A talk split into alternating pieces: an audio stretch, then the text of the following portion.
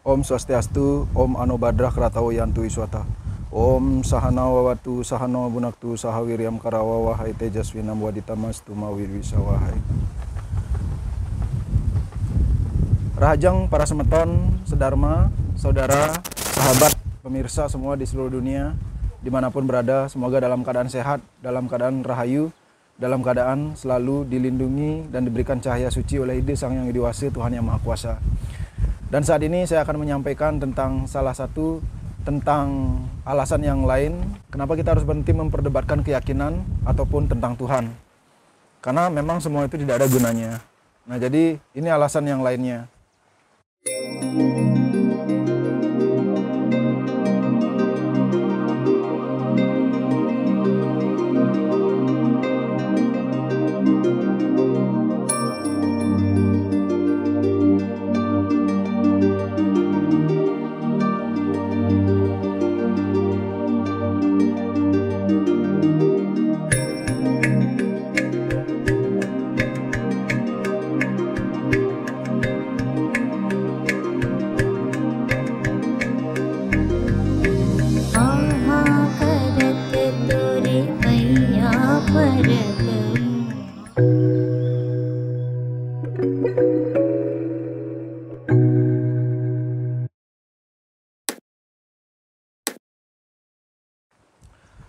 Sebetulnya ini ada- adalah cerita yang sudah lama berada dan biasanya digunakan oleh para ma- para mahaguru, para master, para pendeta, para biksu di zaman dulu tentang sebuah analogi di sebuah kerajaan di mana raja sangat sulit untuk memecahkan sebuah persoalan karena terjadinya perbedaan pendapat. Suatu ketika seorang raja mentok dengan permasalahan yang ia hadapi akhirnya ia memanggil seorang pendeta ia memanggil seorang begawan memanggil seorang resi dan kemudian resi itu pun memberikan sebuah analogi dan akhirnya menganalogikan dengan seekor gajah.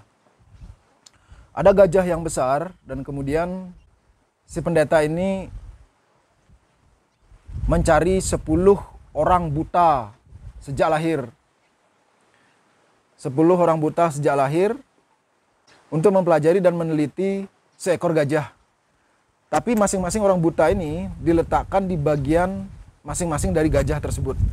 Anggap saja orang buta itu ada 10 semuanya dan semua orang buta itu buta sejak lahir. Jadi satu orang buta diletakkan di belalainya. Dua orang buta diletakkan di gadingnya. Empat orang buta diletakkan di masing-masing kakinya. Kaki depan kanan, kaki depan kiri, kaki belakang kanan, kaki, kaki belakang kiri. Satu orang buta diletakkan di perutnya. Dan kemudian satu orang buta diletakkan di bagian ekornya untuk mempelajari gajah tersebut melalui ekornya. Jadi ada berapa semua? Belalai, gading dua, kaki empat, perut satu, kemudian ekor satu, baru sembilan, dan satu diletakkan di telinganya, di kupingnya gajah. Nah, diberikanlah waktu orang buta tersebut beberapa menit untuk mempelajari gajah tersebut. Bagi orang buta yang mempelajari gajah tersebut melalui gadingnya mengatakan bahwa gajah tersebut seperti trompet yang terbuat dari pipa atau logam yang besar dan runcing. Tapi tidak ada bolongnya. Bahkan satu lagi orang buta tersebut mengatakan bahwa seperti pedang, seperti senjata tombak. Kemudian orang buta yang empat orang yang ada di kaki tersebut. Karena kebetulan gajah tersebut harus dirantai dengan rantai yang besar. Jadi artinya satu kaki gajah tersebut dirantai. Nah jadi empat orang gaj- empat orang buta tersebut mempelajari gajah tersebut melalui kakinya. Bagi mereka bagi mereka gajah tersebut seperti sendi bangunan atau pilar bangunan pilar gedung yang begitu kuat dan kokoh. Nah, karena satu kaki gajah tersebut menggunakan rantai, jadi hanya satu orang buta yang mengatakan bahwa gajah tersebut sendi atau pilar bangunan yang begitu besar dan kokoh dengan rantainya berisi rantai besi. Kemudian yang di perutnya, orang buta yang di perut mempersepsikan bahwa gajah tersebut seperti tembok yang kasar dan kuat. Berbulu bahkan dikatakan. Kemudian orang buta yang ada di ekornya dan ternyata orang buta yang meraba dan mempelajari gajah tersebut melalui ekornya menganggap bahwa gajah tersebut seperti tali karena gajah tersebut pas dan kebetulan kencing dan beol jadi menganggap bahwa gajah tersebut berbau dan ada cairannya. Begitulah persepsinya. Dan kemudian yang ada di telinganya mengatakan bahwa gajah tersebut itu gajah tersebut seperti kipas. Setelah hampir 15 sampai 20 menit orang buta tersebut dipanggil dan dikumpulkan.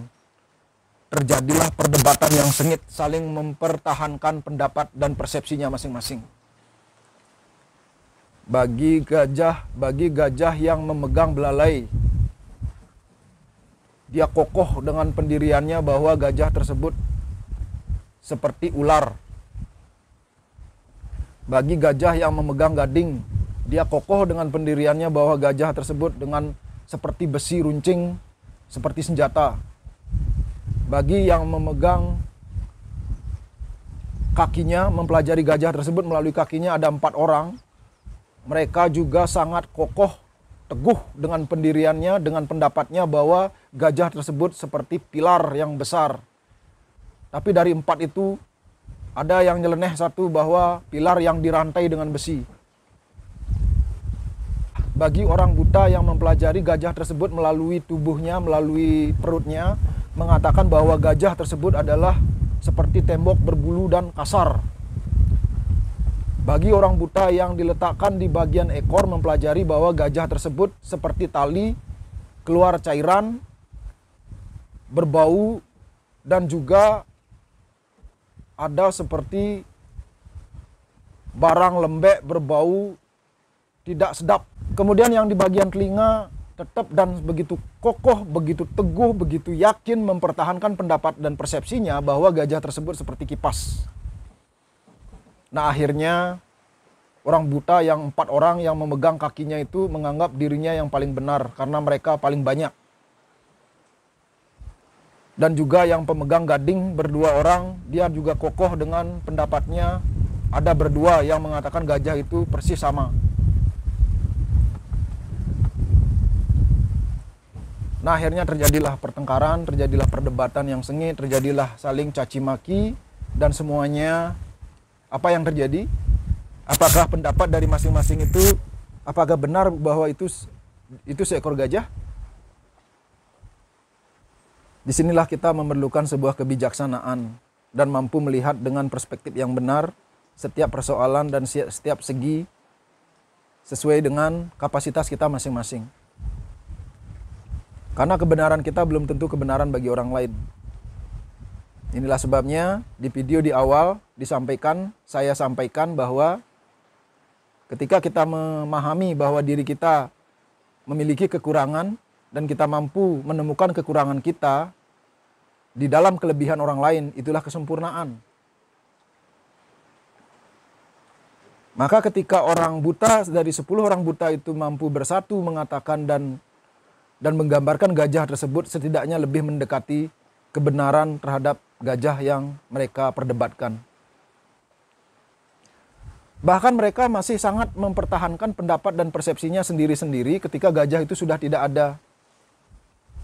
Dan yang memegang kaki gajah tersebut dia kekeh bahwa rantai gajah itulah adalah gajah.